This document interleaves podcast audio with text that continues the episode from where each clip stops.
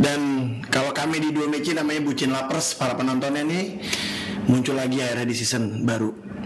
Kali ini dua micin nih dua micin kolaborasi sama BPSDM TV. Nah kalau dulu kita masih setia berbagi tanpa solusi, kalau sekarang kita berbagi dengan solusi. Nah kita habis cukup lumayan lama nih semenjak pandemi tahun lalu si dua micin belum belum ada belum ada konten lagi nih. Udah cukup hiatus selama nih. Dampak pandemi yang nggak apa ya? Ah pokoknya nggak berujung. Belum berujung lah jadi ceritanya tuh panjang lah pokoknya jaga jarak. Jadi eh, Bayu di sini sendiri tapi lagi sendirian nih karena Okta lagi berhalangan ya biasalah perempuan berhalangan ya. Perempuan kan tahu sendiri kan. Nah tapi kali ini sebenarnya cuma saya sendiri itu cuma sebagai hostnya aja di sini. Tapi ada tamu nih. Tamu ini merupakan apa ya salah satu salah satu senior saya dan Okta. Lalu dia banyak memberikan inspirasi juga buat kami selama kami dari masuk eh, masuk eh, masuk kerja sebagai di profesi kami ini. Lalu eh, sangat inspiratif, humoris, ide-idenya cukup di luar kotak lah. Kita sambut dulu bersama Coach Denny nih, Coach Denny nih. Ada Coach Salam integritas kecerdasan energi. Oh, luar biasa. Ya, ya. Integritas, Kecerdasan energi. kecerdasan energi. Nah, kali ini kita akan gali abis. Oh itu. Kita akan gali abis Mas Denny nih, sampai abis gitu galinya. Boleh, boleh, boleh, boleh. Hah? Gimana? Diskusi lah, jangan gali-gali. Emang mau kuburan kali. Ya, tapi- memang tujuan akhir kita ya. Iya.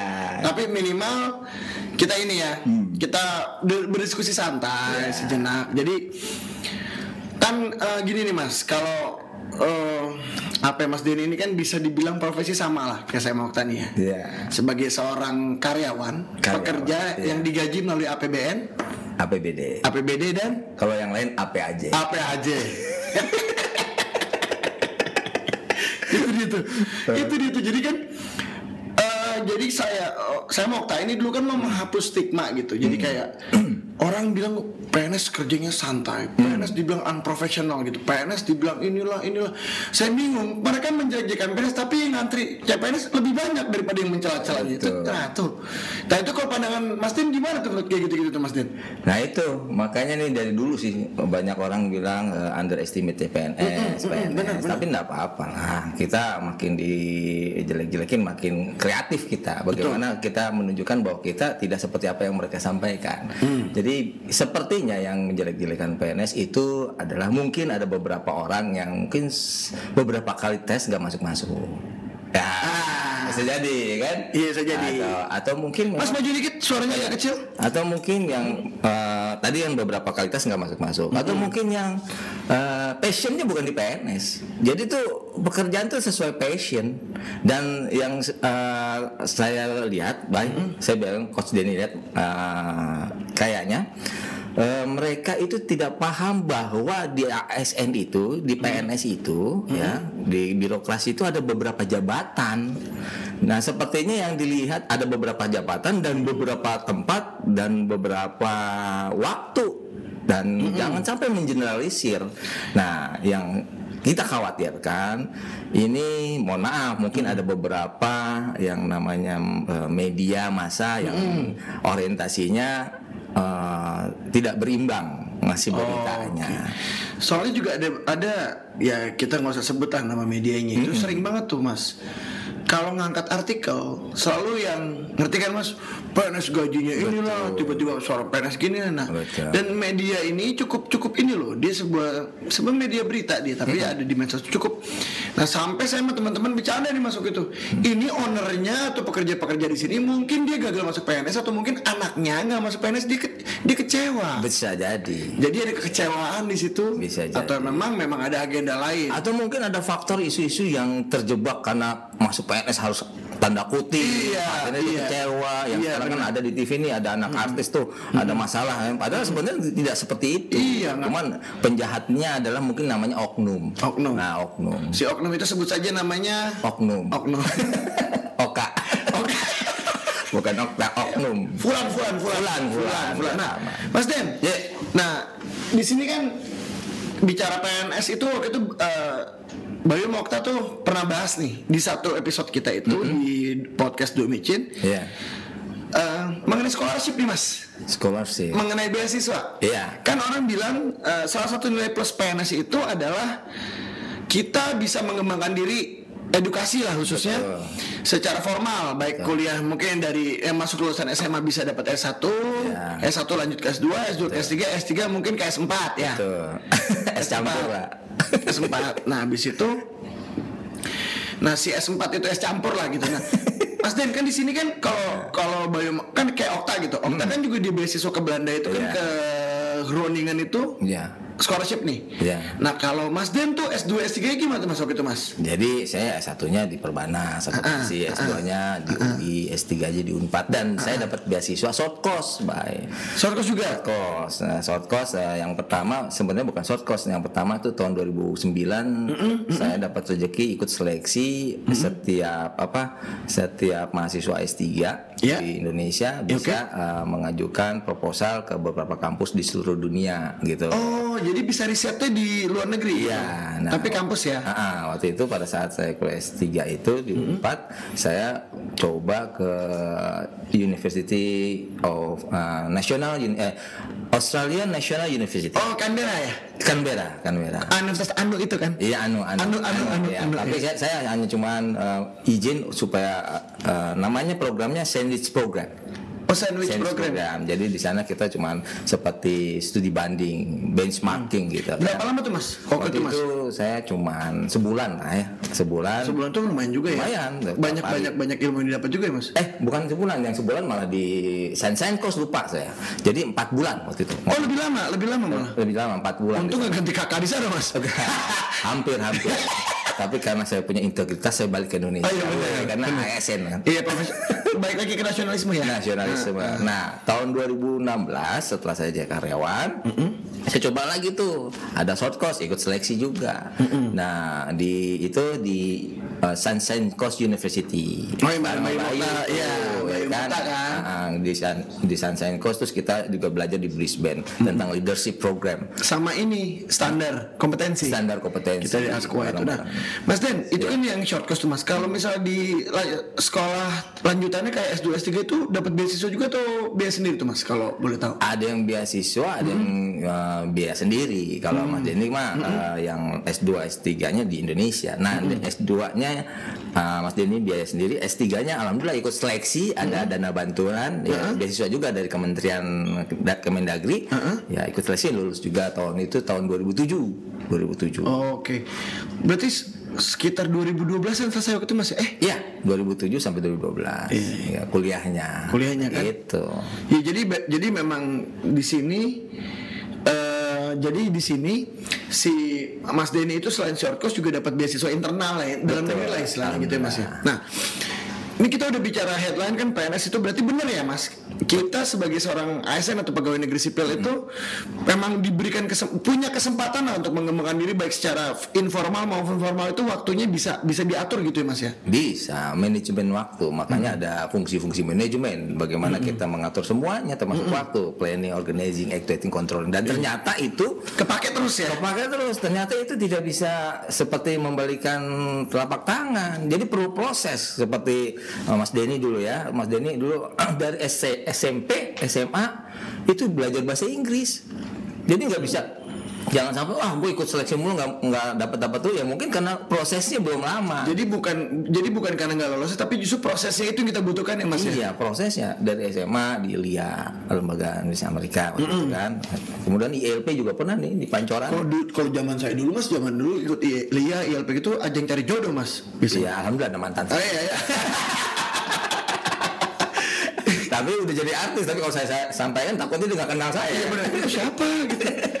Kita padahal kita pernah saling sayang bersama gitu. kan. Iya. Nah, baik itu berarti kan ada kisah-kisah pengembangan pengembangan diri. Jadi kan kalau nggak salah ada istilahnya kalau yang sambil kuliah sambil kerja itu bisa izin belajar dan tugas belajar. Betul. Nah itu bedanya apa tuh mas? Izin belajar dan tugas belajar. Kalau Izin belajar itu tidak boleh mengganggu jam kerja. oh kuliahnya dia luar jam kerja. Iya malam, sore, malam. Kalau atau enggak Sabtu Minggu itu izin belajar. Iya, oke, kan. oke. Kalau tugas belajar ya, ya belajar fokus. Oh, dia tidak tidak tidak bekerja. Iya di luar kota ya kan nggak mungkin kerja. Oke, jadi mungkin kayak kita short course gitu ya tugas belajar gitu gitu Mas ya. betul seperti itu. Jadi tinggal kita milih nih. Mudah-mudahan sih kalau memang niat baik, pimpinan selalu mengizinkan. Iya. Ya kan. Yang penting setelah lulus kita berkontribusi kepada lembaga kita yang memberikan beasiswa itu. Iya, dan memang juga nggak bisa kita pungkirkan il- banyak ilmu-ilmu yang kita dapatkan juga bisa kita implementasikan kan Iya, di, di, sangat, di- di sangat. tempat kerja balik gitu. Nah, ini Mas, story jadi PNS dulu nih. Iya. Kita flashback lagi nih, mundur lagi nih. Mas Mundur Den. Mas Den itu pertama kali jadi CPNS tahun berapa tuh Mas? Tahun pertama kali masuk pegawai negeri. 2002. 2002. 2002. Sebelum jadi PNS, Mas Denny kerja di Deutsche Bank Bank Jerman. Oke. Di Henkel Indonesian perusahaan Jerman dan pernah Seperti juga swasta lama juga berarti kan Mas? Iya, eh, empat tahunan. Kemudian pernah juga bergabung di Radio Mustang waktu itu. Oh di Wisma, masih Wisma Nusantara dulu ya? Bukan, masih di Cinere, Bayu belum lahir kali. SMP di Cinere tahun 2000, tahun 2000. Oh udah lahir lah Mas. Udah, maksudnya belum lahir PNS. Oh belum. Ah, belum. Masih itu masih pakai eh, putih biru. Iya waktu biru. Waktu itu sempet di Cinere tuh eh, menaranya roboh, terus pindah lah baru ke. Nusantara situ. Nusantara. Nah, itu berarti 2002 pertama kali jadi PNS. Iya. Nah, dari 2002 itu sudah masuk dengan ijazah eh, S1 atau SMA? S1. S1. S1. S1. Jadi langsung 3A ya. Oke, Mas. Dari mulai CPNS ini, dari mulai CPNS dulu kita mulai CPNS dulu lah. Hal paling seru yang pernah Mas dapatkan lah. Dari eh, masa-masa awal banget jadi PNS ya anggap let's say eh, 0 sampai 5 tahun pertama jadi PNS lah. Yang paling seru Yang paling seru, yang paling nggak terlupakan yang konyol banget gitu ya. Konyol banget. Ya itu pada sekarang zaman pandemi beda ya. Iya, PNS sekarang beda sama Iya, CPNS iya. dulu. Beda lah, beda Zaman zaman dulu tuh kita di asramakan sebulan lebih Iya. bangun subuh. Ya istilahnya latsar kita dulu Dasar, ya. ya, prajabatan dulu namanya. Eh, baris berbaris, disiplin pokoknya. Mandi harus on time, makan juga ngantri luar biasa. Jadi itu kebersamaan gitu sama teman-teman. Sekarang teman-teman eh, prajabatan sudah beberapa kementerian kan? Iya, betul. Alhamdulillah Nah, itu yang paling luar biasa. Kemudian eh, kita memang kalau jadi ASN atau PNS itu harus punya empati kepada masyarakat.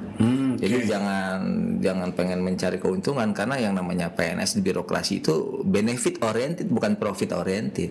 Oh beda ya? Beda. Beda, beda, benar. Beda. Benefit oriented jadi eh, mendap- untuk mendapatkan eh, ma- apa? Manfaat. manfaat, manfaat, value, memberikan value atau mendapatkan value. Nah karena otomatis begitu kita mendapatkan manfaat, insya Allah ada ada ada keuntungan profit yang bisa kita dapatkan juga. Mungkin secara tidak bukan dalam bentuk material aja, mungkin dalam bentuk yang lain. Mungkin Betul. seperti itu kali mas ya. Jadi kalau kata Pak Ustadz bilang, saya sering sering dengar baik, eh, what you give, what you get itu Ustadz bukan tuh. nggak pakai ayat. Atau nggak ini apa? Barang siapa memudahkan urusan orang lain. Nah, gitu kan. Jadi kalau bahasa Inggrisnya what you give, what you get. Apa Iya. yang kita berikan itu yang kita dapat. Tinggal milih kita sebagai ASN mau memberikan kebaikan atau memberikan keburukan. Karena itu kita dapat juga. Nah, karena langsung langsung ke ayat andalannya Okta lagi ada ini tidak akan berubah nasib suatu kaum apabila dia tidak merubah nasibnya Ya, sendiri. makanya thinking out of the box berubah. Benar.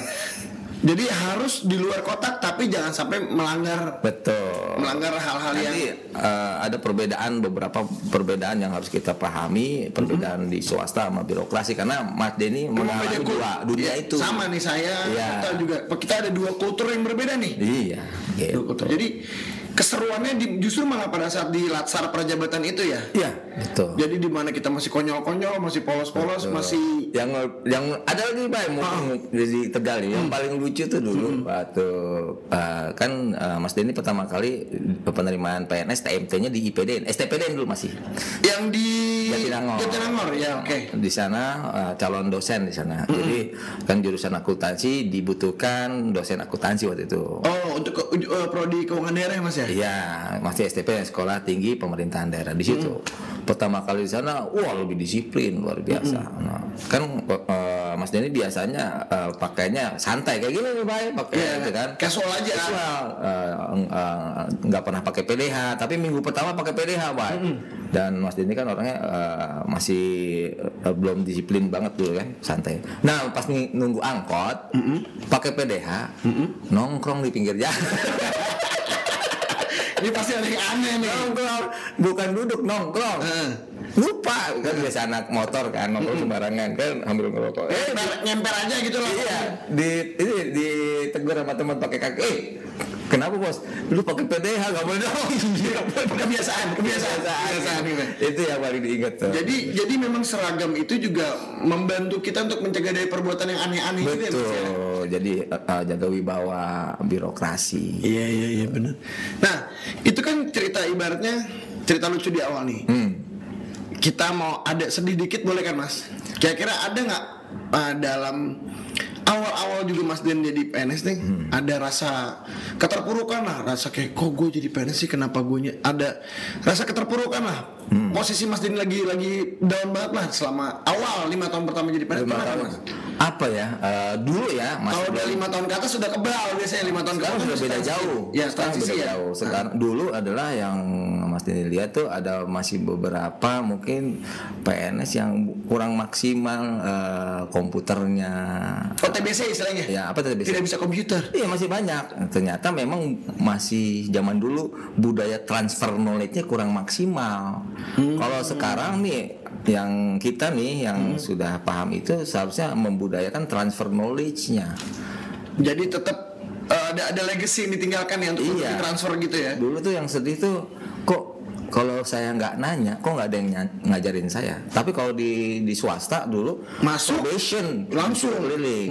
Nah, itu zaman dulu ya tahun 2002. Eh, sekarang sudah beda lagi. Sekarang sudah luar biasa. Pertama kali latsar sudah dikasih pekerjaan, harus orientasi kantornya Iya, benar, keliling. Itu udah udah adopsi apa Udah yang dilakukan swasta. sudah sudah mulai ada perubahan yang lebih baik ya? Banyak, banyak. Istilahnya reformasi lah. Reformasi. birokrasi Iya, lah. iya.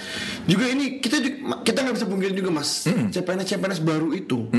Setiap Mas Denny lihat deh kalau misalnya mereka istilahnya bikin laporan aktualisasi namanya. Betul, betul. Lihat deh konten-konten yang mereka buat. Keren, keren. Selalu digital. Betul. Semua paperless, digital minded, betul. dan sistematik. Betul. Ya kan?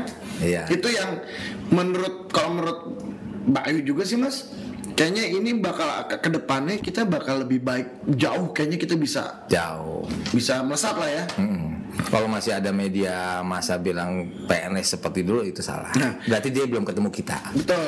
Nah balik tuh tadi Mas Denny. Iya. Ke P- eh, PNS yang orang bilang dia belum ketemu kita. Hmm. Berarti Mas Denny eh, tidak setuju dengan statement PNS itu gabut.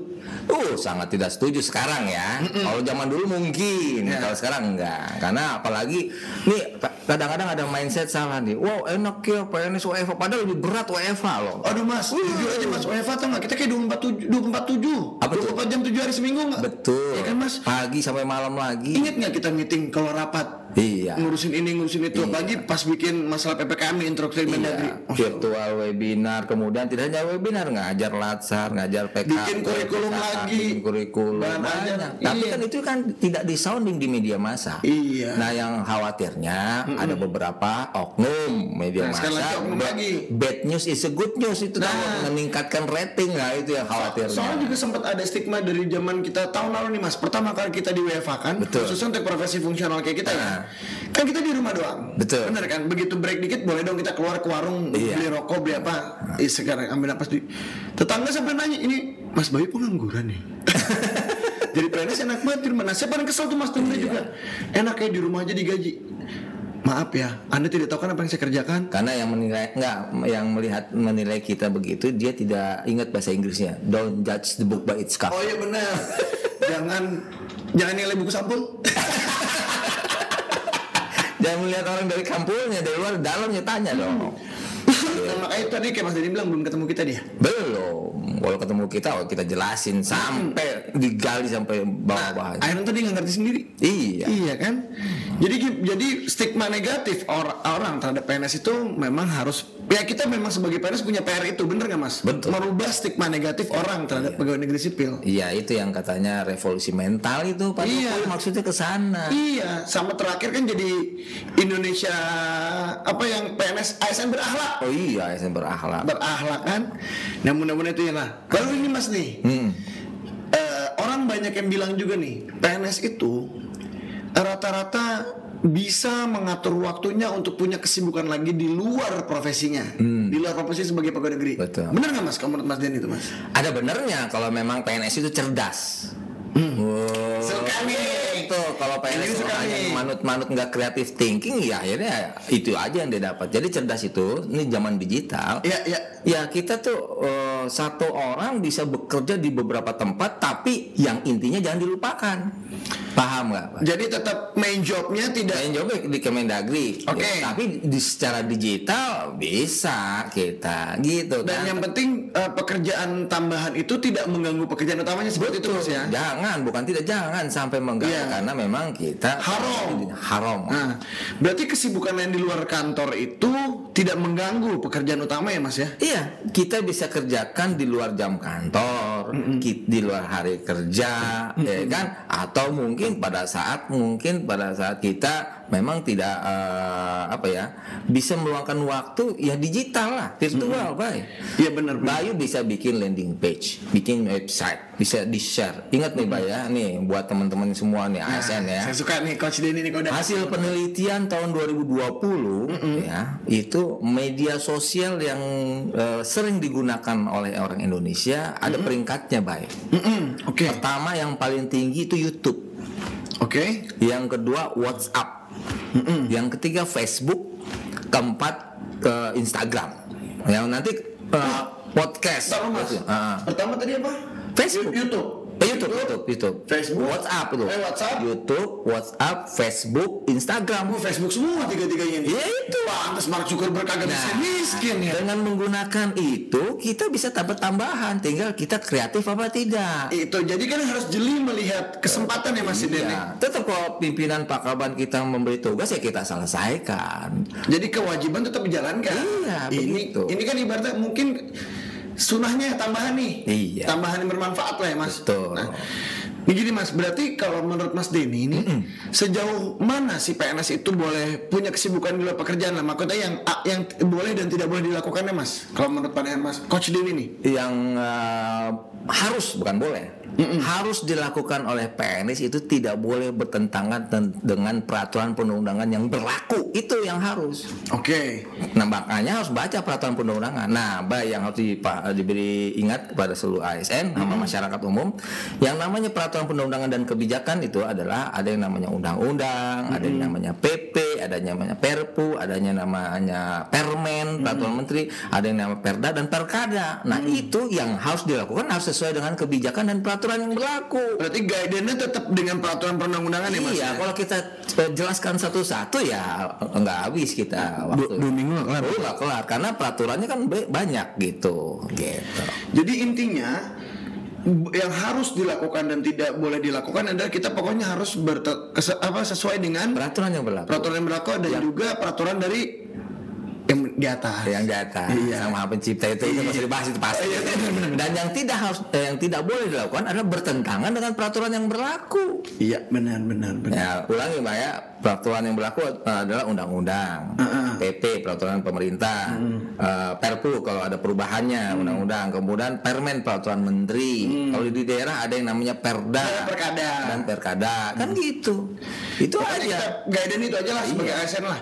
Nah, di situ Mas tadi kan Mas Dini sempat mm, nyolek nih kita masalah POAC nih manajemen nih. Time management. Oh, time Ya. management. Nah, how to manage your time, Mas? How? Nah, how to manage your time bagaimana Mas Den Coach Denny itu memanage waktunya ya kita kan dikasih waktu 24 jam sehari tujuh hari seminggu ya Betul. kita punya keluarga kita punya profesi kita punya kesibukan pernah nggak Mas dalam satu momen satu waktu itu pekerjaan yang di luar sama yang ini sama-sama urgent bertabrakan Mas jadwalnya berbenturan lah Ah, Oke, pernah, pernah. Mbak. Pasti pernah tuh, Mas. Pernah, tapi kan ada bekerja tuh ada skala prioritas. Nah ini, Nah, nah ini dibutuhkan nih mas, Iya. karena kan ada orang yang yang mana duluan tuh. Nah ini kita butuh yang kayak gini nih mas, gimana nih? Mas? Contoh ini ya, sama, semuanya penting, semuanya prioritas. Tapi kita prioritaskan dulu yang eh, mana dulu gitu. Tapi semuanya prioritas. Jadi Berarti- kalau bahasa Inggrisnya, Urgency serious growth. iya, kalau bahasa aktualisasi ya, urgency serious growth. Jadi kalau bahasa Inggrisnya priority among priorities. Jadi di, dicari yang paling prioritas di antara yang prioritas. Jadi bukan di nomor dua kan bukan. Jadi dari semua prioritas utama ini mana yang paling prioritas lagi? Iya, dalam sehari ada tiga kegiatan atau empat kegiatan pernah sampai malam nih. Kegiatan latsar lah, kegiatan PKP, PKA, bahkan ke, luar kantor nih. kepala daerah. lah Uh-uh. atau rapat di kantor.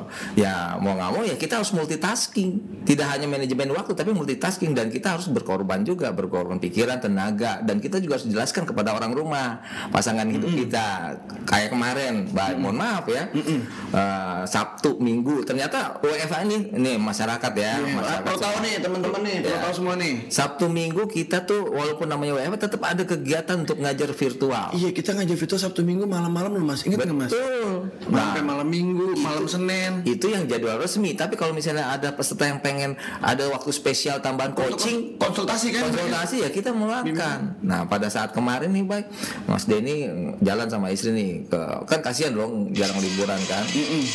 Eh, mohon maaf. Kemudian eh Mas Denny jalan-jalan nih ke Lembang nih nyetir. Tapi pada saat itu besok itu peserta di Lasar Mas Denny harus ujian.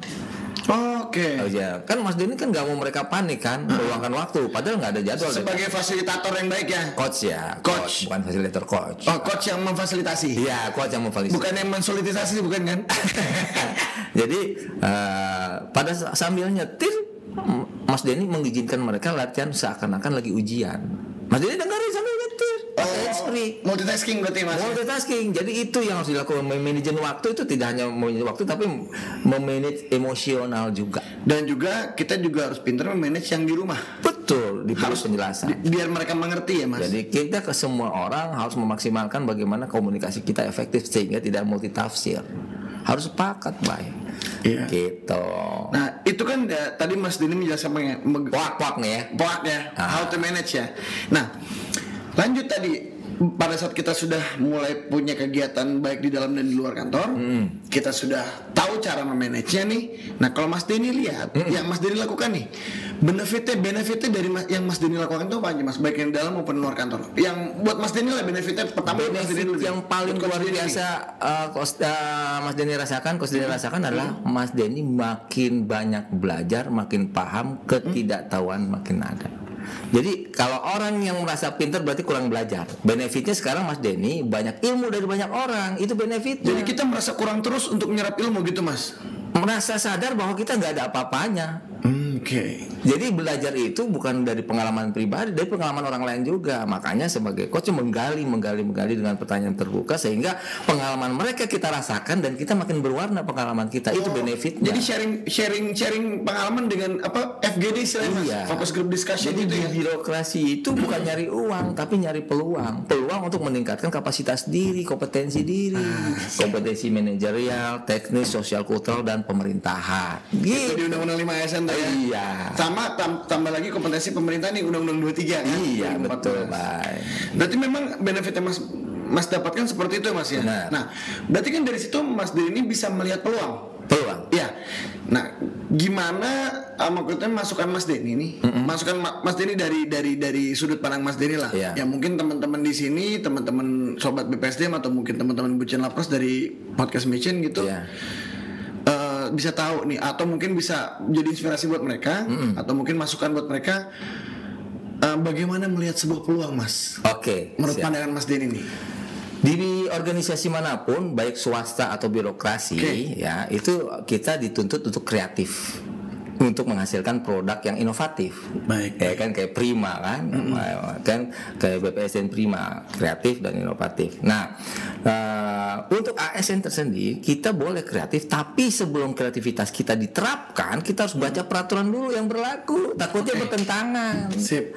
peraturan dari kominfo ke ya kan peraturan dari mungkin dinas uh, ya uh, uh, komunikasi dan informatika itu harus kita baca jadi nggak boleh ber- bertentangan dengan peraturan yang berlaku kita kreatif boleh kalau misalnya bertentangan ya kita usulkan dulu supaya dijadikan peraturan dulu tapi selama tidak bertentangan tapi mempermudah pelayanan kepada masyarakat silakan laksanakan yang penting jangan bertentangan Oke, siap siap. gitu Nah itu kan yang itu.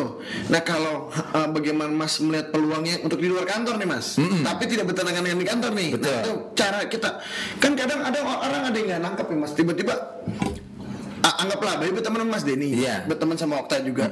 Ternyata Okta ini seorang desainer LMS gitu, Betul. management system. Terus ternyata Mas Denny seorang trainer. Betul. Coba tapi selama ini kita bertiga cuma ngobrol gitu-gitu aja nggak nggak jelas juntrungan. Kita nggak menyadari. Nah, cara saya mau melihat peluang dari Okta atau dari Mas Denny itu gimana? Strateginya nih Mas. Strateginya yang tadi Mas Denny bilang, medsos tahun survei tahun 2020 yang paling banyak digunakan adalah grupnya Facebook kan? Eh, iya, grup Ya, Facebook, benar. WhatsApp, Uh-uh. Facebook dan Instagram. Instagram, iya, oke. Maksimalkan itu. Jadi kita harus juga misalnya punya desain in- desain interior, menggambar interior pribadi, terus diupload di salah satu medsos itu. Kemudian jangan lupa di share. Begitu Bayu, di share-nya jangan di grup ngeganggu. Iya benar, Japri. benar. Iya itu. Tapi kalimat-kalimatnya juga harus Nah, perang dirangkai dengan baik ya Mas. Betul. Kita harus berbicara sama siapa, usianya berapa, pangkatnya golongan apa. Kita harus lihat. Jadi me- memang harus juga kita kategorikan juga bahasanya ya Mas ya. Iya, Pada saat kita kita melihat peluang itu ya. Itulah komunikasi efektif. Makanya di, di blended everything that we can, blended everything that we know, blended everything that we have. Waduh. Oh ya kan jadi campur aduk apa yang kita bisa, yang kita punya. Kemas dengan baik. Iya. Blender kan enak kan buah buah jeruk di blender sama buah lain enak gitu di di blender. Iya kayak buah pisang sama strawberry begitu di mix enak banget. Enak. Tapi yang bikin enak lagi kalau kita niat memberikan manfaat. Ah, Wah. Jadi tetap benefit ya. Benefit. Jadi keep zikrullah tetap. Keep zikrullah. Keep Selalu pokoknya selama kita men- berniat untuk memberikan manfaat, Mm-hmm. orang lain pasti akan mempermudah kita. Jangan berniat untuk memanfaatkan orang lain, bahaya tuh. Jadi mendingan kita mikir itu bagi apa yang kita berikan dulu untuk orang lain. Betul. Jadi insya Allah maksudnya ya pasti akan ada balasan kebaikan juga untuk kita lah. Iya, tapi jangan paksa orang lain senang apa yang kita berikan. Eh, ah, ada kalimat Nah bagus ini, nih, ini, ini, gimana nih? Ini, ini, Iya. ini seru ini seru, ini seru nih. Ini seru nih. Nih, kadang-kadang kita berharap orang lain semuanya suka sama kita. Itu jangan nanti kecewa. Jadi jangan terlalu berharap, jangan banyak berharap ya. Kita sudah share nih YouTube kita, terus berharap mereka nonton. Jangan, kita niat baik aja. Share aja. Share aja. Dibaca alhamdulillah, nggak dibaca nggak apa-apa. Minimal kita udah udah berbagi. Nah, kedua, jangan berharap orang lain sesuai dengan apa yang kita inginkan. Oh benar, kita bukan diktator dan tirani mengatur orang ya. Kecewa. Terakhir, jangan berharap segala sesuatu berubah dengan instan. Perlu proses, bay. Benar, benar. Bikin kopi aja kita mesti masak dulu, segala macam ngaduk segala macam. kan? Cuman tantangannya di birokrasi kita tidak seperti orang-orang di luar. Apa dua bebas ngomong apa aja lucu-lucuan bebas. Tapi Ya. kan kita kan Kita dengan peraturan. Ya, kita memang ada ibaratnya ada norma-norma atau etika-etika yang harus Betul. dilakukan itu ya Mas ya. Peraturan tadi, kebijakan tadi, hati-hati. Kalau kita mau jadi youtuber ya kita harus resign jadi PNS. Kalau kita bukan jadi youtuber, kita memberikan manfaat lewat YouTube. Beda tuh. Beda ya? Beda. Kita bedakan nih. Beda. Kita kita memang eh, bukan youtuber, Iya. tapi kita memberikan manfaat ke orang lain dengan profesi kita sekarang Iya. melalui YouTube. media sosial, baik Iya. YouTube, Facebook, WhatsApp atau Instagram. Betul. Kata kita dipantau oleh pemerintah. Hati-hati. Ya, tindak tanduk kita kan tidak boleh kalau Etika etikanya itu nggak boleh salah. Betul. Kita tidak boleh bersikap melawan pemerintah juga nggak boleh karena Nggak kita bagian dari pemerintah. Tapi kita juga tetap harus menjaga nama baik kita juga sebagai seorang Iya. ASN kan mas ya. Betul. Jadi memang itu penting di situ tuh. Nah, nah ini Mas Denny nih pertama nih mas. Apa tuh? Udah banyak tapi sekarang baru pertama. Tadi lo ngapain? Mau kita buka ada lagi. Ada lagi ya, Pak? Ini, ini, ini udah udah mau kita pertama mau kita yang yang lain lagi. buat buat maksudnya teman-teman yang mau pertama kali tes CPNS.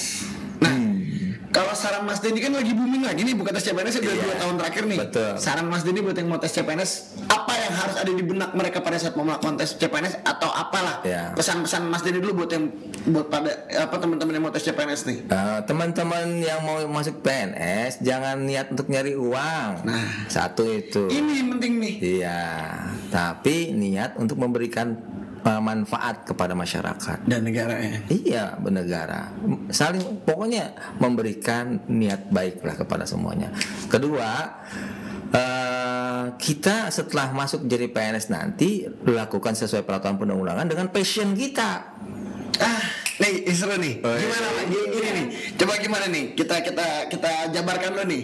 Ya passionnya kita kan misalnya kita senang eh, entertain, nggak ada salahnya masuk PNS juga dengan passion entertain ya kita seperti sekarang bikin eh, Podcast. podcast, YouTube dan sebagainya itu kan passion kita, tidak yang salah karena perbedaan itu indah.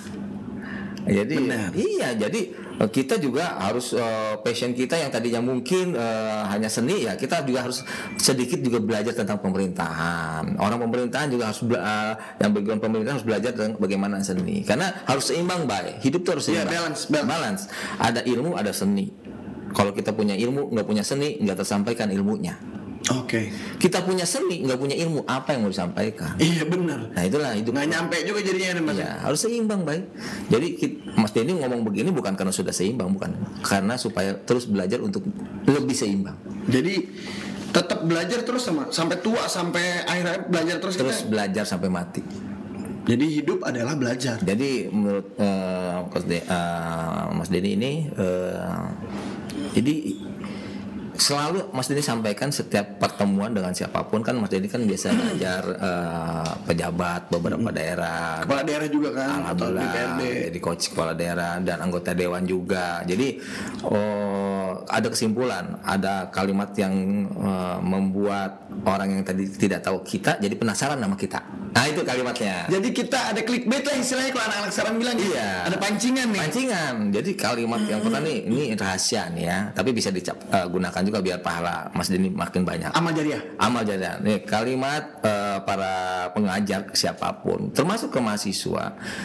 Ada kalimat kunci yang saya selalu sampaikan bahwa saya ini di depan ini bukan mengajari bapak ibu atau mahasiswa. Ah, jadi tidak menggurui. Bukan menggurui, saya hanya ber- uh, akan sharing pengalaman. Saya yakin pengalaman Bapak Ibu jauh lebih hebat daripada saya, tapi saya yakin juga ada pengalaman saya yang tidak dialami Bapak Ibu. That's it. Dia akan nunggu. Di situ kuncinya. Ya kuncinya itu. Jadi kita tahu nih secara umur atau pengalaman mereka lebih baik dari kita, Hmm. tapi bagaimana caranya kita tetap bisa uh, getting attention mereka, That's it. mendapatkan perhatian mereka. Nah, sehingga mereka penasaran. Dia punya apa emang? Iya. Ya jadi gitu kan mas. Jadi ada juga loh. Jadi Berarti ini berlaku buat para teman-teman, buat buat enggak buat cowok-cowok yang buat yang masih bujangan mau deketi mau nyari istri bisa. bisa juga. ya bisa dong, bisa dong. Semuanya bisa. Kan nyari istri, dia Iya. bukan bukan buat dipacarin tapi emang nyari istri. Betul. Taruh. Ya taruh. Ya itu. Jadi eh, sekarang malah mohon maaf baik. eh, pendidikan strata memang penting. Iya. Tapi di di zaman digital ini kadang-kadang yang punya pendidikan stratanya lebih tinggi belum tentu lebih pintar daripada yang belum tinggi. Hmm. Soalnya tadi eh, kenapa saya menyetujui omongan Mas Dening ini terakhir nih? Hmm. Karena menurut saya boleh di stratanya tinggi, mungkin bisa S3 sampai 4 kali gitu. Tapi kalau dia tidak mau berdiskusi sama orang, Betul. tidak mau nyari eh, apa teh, kayak Mas Dedi bilang tidak mau berbagi pengalaman dengan orang, sharing, discuss apa segala macam ada. Mungkin sedikit ada perdebatan boleh ya. Iya. Ya kan ada konflik perdebatan tapi dengan dengan catatan memang argumentasi yang sifatnya sifatnya saling membangun lah. Iya. Nah, itu maka menambah pengetahuan kita kan. Betul. Biasanya kalau yang Kak Kak Mas Denny bilang yang stratanya tinggi itu biasanya mereka udah ngerasa dirinya kan gue udah profesor, kan gue udah dokter, Iya. gue udah paling pintar. Padahal, padahal, padahal kuliah nitip absen. Iya. Bikin disertasi dibuatin. Nah, kuliahnya kuliahnya di, di kampus yang akreditasinya terlihat. kan gitu berarti saran buat yang eh, yang mau masuk PNS jangan money oriented Jangan, kecewa nanti. kalian akan kecewa money oriented jadi Iya. jangan jadi jangan pernah percaya berita-berita tentang gaji PNS yang fenomenal itu ya mas ya Iya betul. Itu mungkin di, di balik eh, di luar jam kerja mereka, mereka juga main saham. Iya trading kan kita nggak pernah tahu. Iya, kita nggak tahu. dia, dia- dia ternyata uh, pengusaha restoran, Iya. pengusaha mobil. Nah, kalau kan Mas Denny kan bilang nih, Mas Denny kan sering uh, memberikan uh, sebagai seorang jabatan fungsional ini widya suara nih. Iya iya. Kurang lebih kalau teman-teman uh, bucin lapar sama sobat BPSDM yang nggak belum tahu widya suara itu apa, buat apalagi anak-anak baru atau yang calon CPNS, CPNS, CPNS. Widya suara itu apa sih? Nah, widya suara itu seperti hampir seperti dosen lah. Betul. Tenaga pengajar, tenaga pelatih, tapi lebih fokus ke pelatih ya. Iya. Pelatihan, ke tenaga pendidikan dan pelatihan. Nah, Mas Den, Berarti kan Mas Denny sering memberikan training buat mulai dari anak yang baru masuk, yang muda-muda, sampai yang Senior, senior pejabat pejabat, tinggi, bahkan sampai anggota dewan sampai kepala daerah Mas. Betul. Nah, kan yang sekarang lagi booming ini sih yang anak-anak muda nih Mas. Ya milenial. Ya, yang millennials dan Z. Z. Iya. Nah saran Mas Denny nih buat mereka para PNS PNS ASN ASN muda kita nih apa nih Mas? Oke. Kan mereka di range usia yang masih seger, ide-ide kreatif mereka, ide-ide gila mereka banyak untuk kepenting. Tapi yang baik ya maksudnya Oke, gilanya ya. siap. Gitu. Kalau Mas Denny sama Bayu kan transisi kan. Ya, Eh, eh, kita tanggung nih. Iya kan, eh, eh, X, eh, milenial dan Z kan, Ah. ya kan. Eh, Nah, sarannya adalah hati-hati kalau di birokrasi itu Mm-hmm. kita harus adopsi kebiasaan orang Australia baik kita. Oke. Waktu kita nongkrong, walaupun di kafe, nggak ada satupun mereka yang buka HP. Nongkrong nggak ada begini. Kagak ada mereka. Handphone dibalik semua atau kan di dalam tas. Betul, itu satu tuh. Anak. menghargai orang lain ya. menghargai senior, menghargai lawan bicara. Walaupun dia lebih muda. Nah, tapi ya itu harus kita proses. Ya. Ada bahasa lagi yang uh, Mas Denny sering dengar ada ada bahasa today's problem become from yesterday solution. Oke. Jadi Masalah hari- masalah hari ini sebenarnya solusi kita di kemarin-kemarin itu. Iya, masalah hari ini penyebabnya kemarin, ma- solusi kemarin. Artinya sekarang kita pu- punya solusi, siap-siap jadi masalah. Itu udah pasti, baik. Jadi se- setiap selalu akan ada masalah di setiap hidup kita. Iya, dulu mungkin kita merekrut bukan anak milenial ya, yang tidak sering megang gadget. Sekarang anak milenial.